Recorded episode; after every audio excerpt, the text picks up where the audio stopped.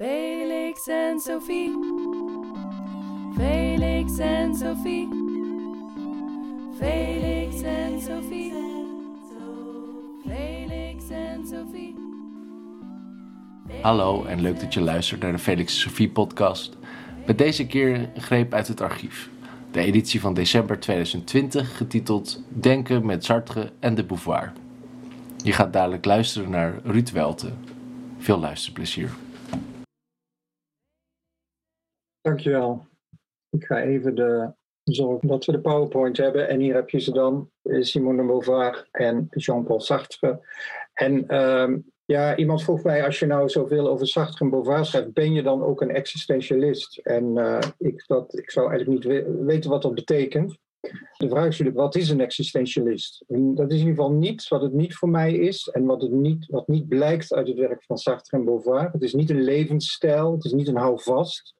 Het is eh, eerder een, leven met gebrek aan houvast. Het geeft geen troost, het is verontrusting. Het is niet de oplossing, maar het is het probleem. En eh, ik zou de these willen verdedigen dat het existentialisme, ook historisch gezien, zich, eh, zichzelf realiseert in de opheffing als filosofie. Da- daarmee bedoel ik eigenlijk heel simpel dat het ophoudt met filosoferen en overgaat in literatuur. Dus de opheffing van het existentialisme als filosofie, die ligt al besloten in de basisintuïtie van het existentialisme zelf. Namelijk aandacht voor de concreet, een concreet bestaand mens, voor, voor mijn bestaan. Er is geen grond, er is geen essentie en geen elke keuze heeft een grond buiten, eh, buiten die keuze zelf. Dus ik construeer mijzelf vanuit een volstrekte arbitrariteit. En dat kan alleen maar omdat ik niet al iets ben en ook nooit zal zijn. Daarom is het existentialisme een, verlangen te zijn. We denken dat we iets zijn. Dat is, dat is een bekende gedachte, die de meeste mensen wel zullen kennen, die een beetje eh, wat weten van existentialisme. En de kern daarvan is de situatie. Dus de situatie is een concept, maar een situatie is een concept dat zichzelf onmogelijk maakt. Als, het, als woord is het een abstractie, maar het reikt altijd voorbij een abstractie. Het verwijst naar een concrete omstandigheid. Maar ja, als, dan ben ik alweer aan het praten, dan ben ik alweer uh, aan het filosoferen en ben ik uit die situatie. Dus die situatie, en dat is eigenlijk uh, het punt dat ik heel fascinerend vind, die situatie laat zich beschrijven, beter gezegd, de situatie laat zich schrijven. En dat is wat het existentialisme doet. De situatie situeert zich in het schrijven. Het schrijven is een spreken, een uitspreken, een benoemen. Dus het existentialisme leunt op alle manieren op, op taal. Ik wil dus vandaag iets zeggen over de vorm van het existentialisme en niet zozeer de inhoud. Het is een vorm die zichzelf als filosofie wil uithollen. Van een van filosofisch traktaat, van filosofische artikelen en boeken, naar dagboeken, brieven, um, naar, naar uh, gesitueerde literatuur. Um, en dat is precies de arbitrariteit waar ook Simone de Beauvoir, de vroege Simone de Beauvoir, al enorm mee worstelt. Dus, en dat is, eigenlijk is het bij Beauvoir nog veel duidelijker dan bij een Camus of bij een Sartre.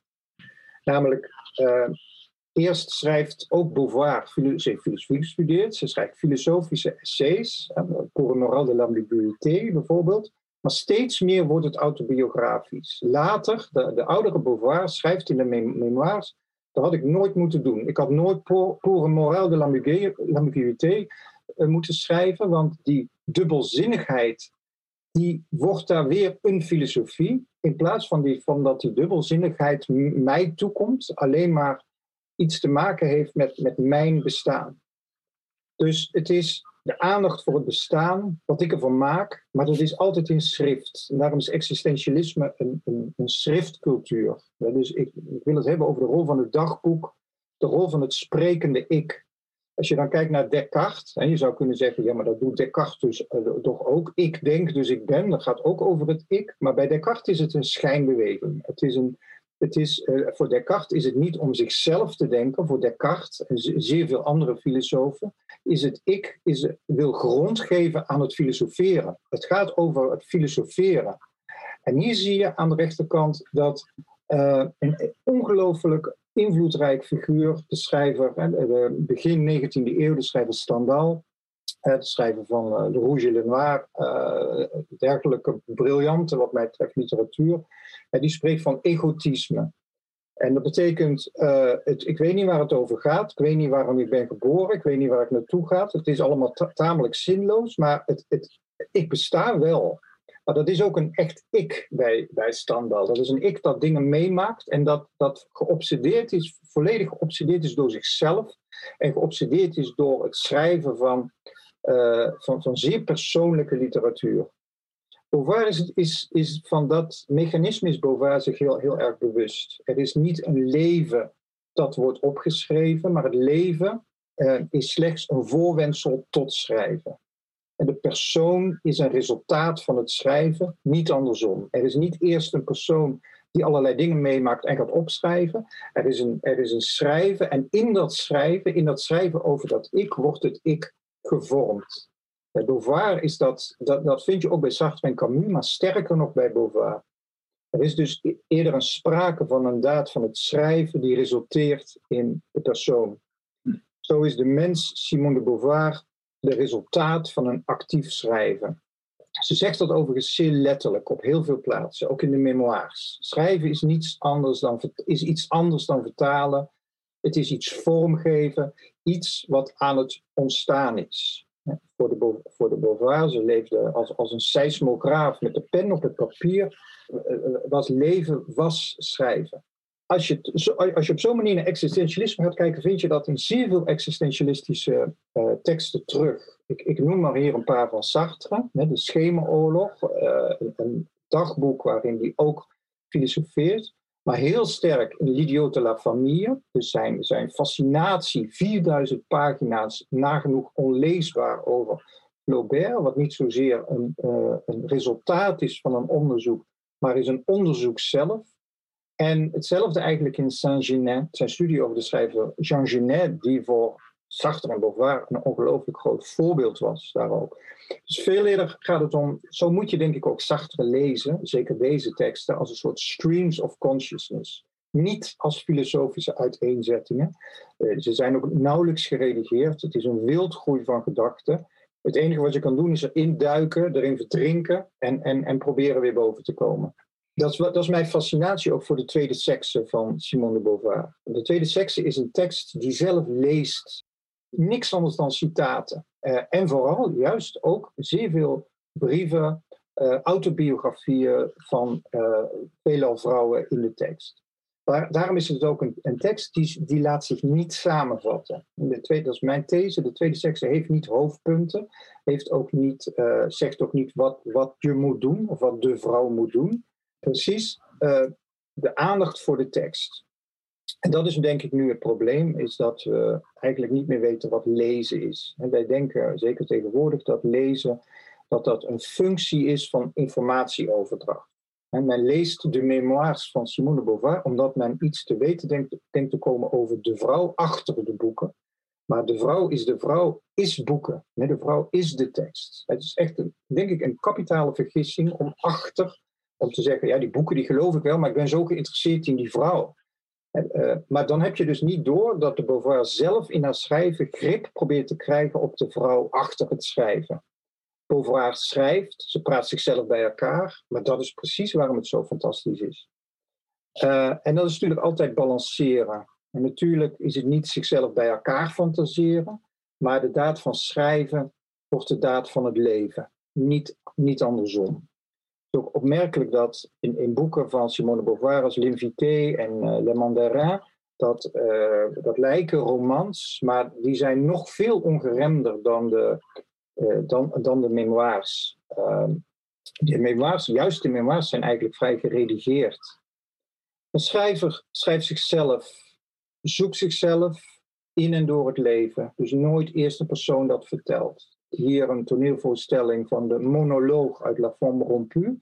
Uh, ze gaat niet, hè, de, de, boze vrouw in, de, in de, de gebroken vrouw in het Nederlands. Het is niet een boosheid op de wereld, maar een ergernis ten aanzien van zichzelf. Personage krijgt geen grip op zichzelf. En precies daarom, zegt Beauvoir, is het ook eerlijk.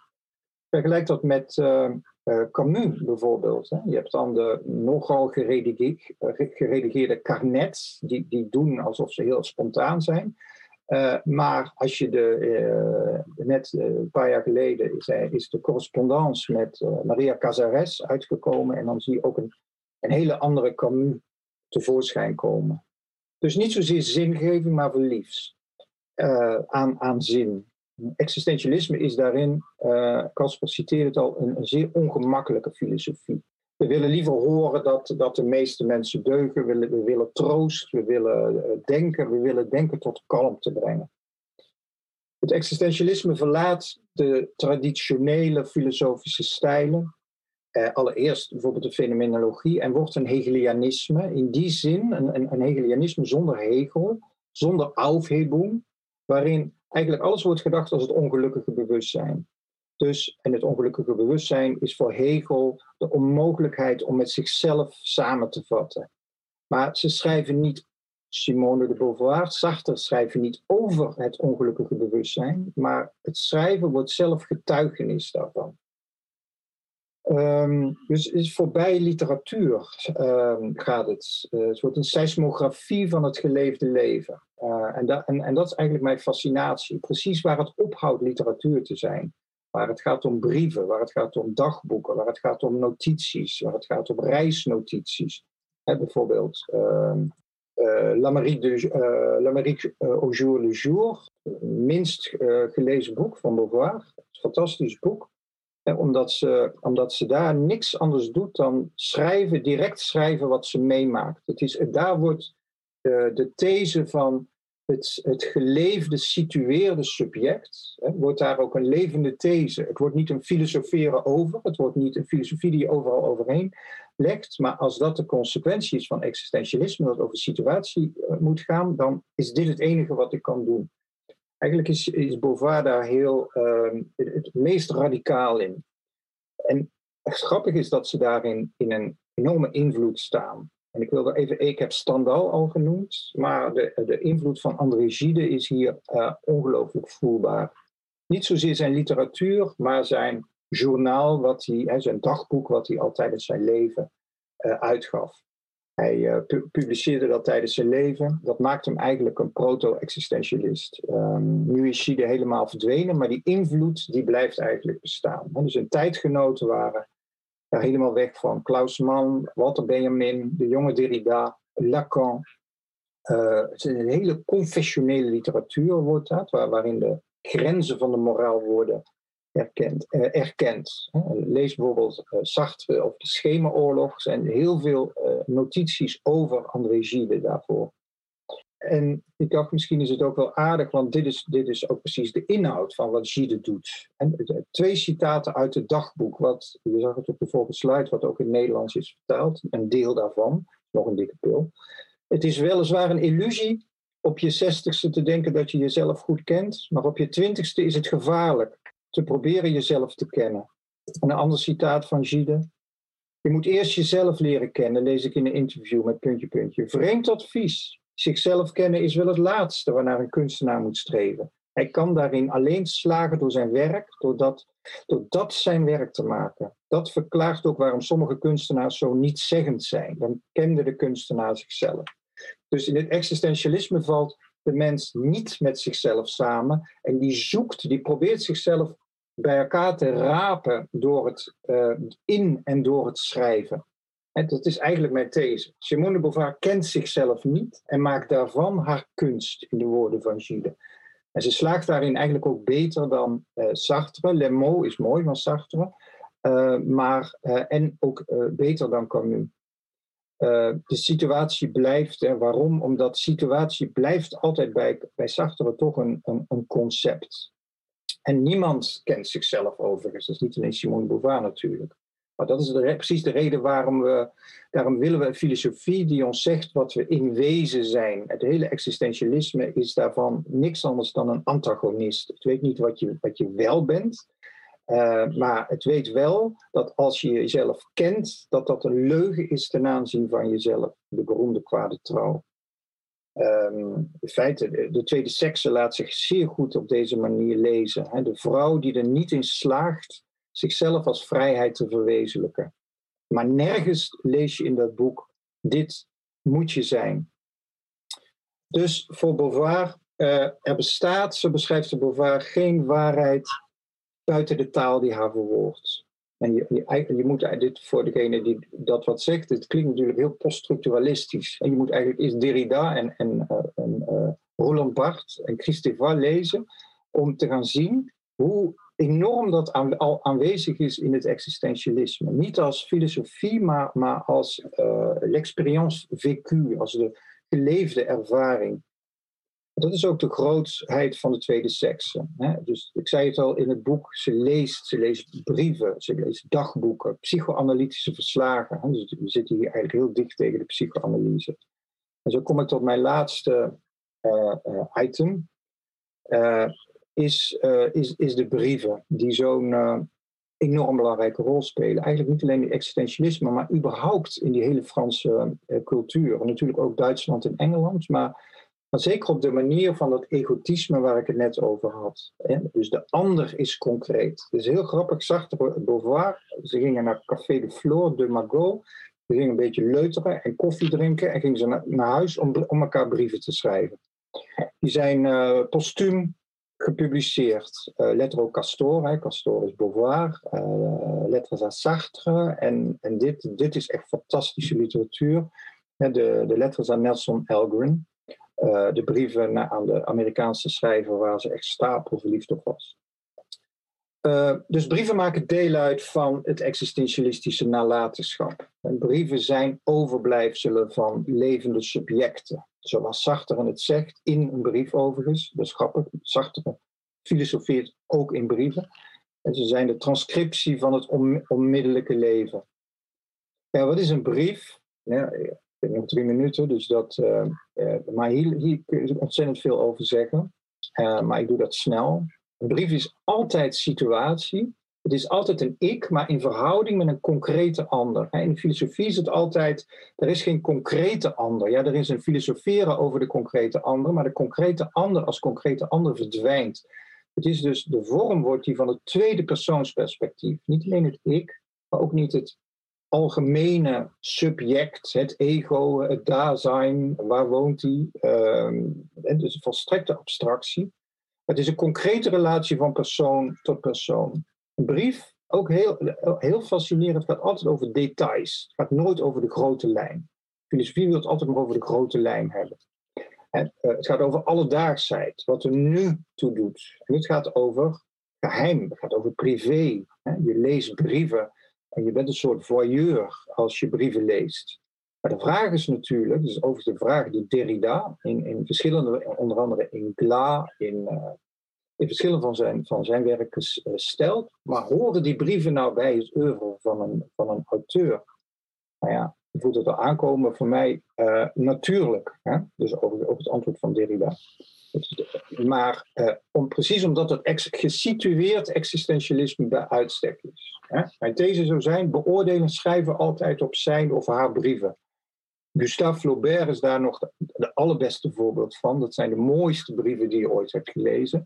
Hetzelfde geldt voor Georges Sand. Je kan betwisten of haar literatuur nou zo interessant is, maar haar brieven zijn fantastisch. De brieven van Balzac, uh, de brieven van Stendhal, Gide, Beauvoir, ga door. En ik noem nu alleen maar uh, Franse voorbeelden. Er zijn natuurlijk zeer veel andere voorbeelden. Het, wat is dus existentialisme? Is voor mij uh, een het is een manier van lezen. Het is leven met de pen op papier.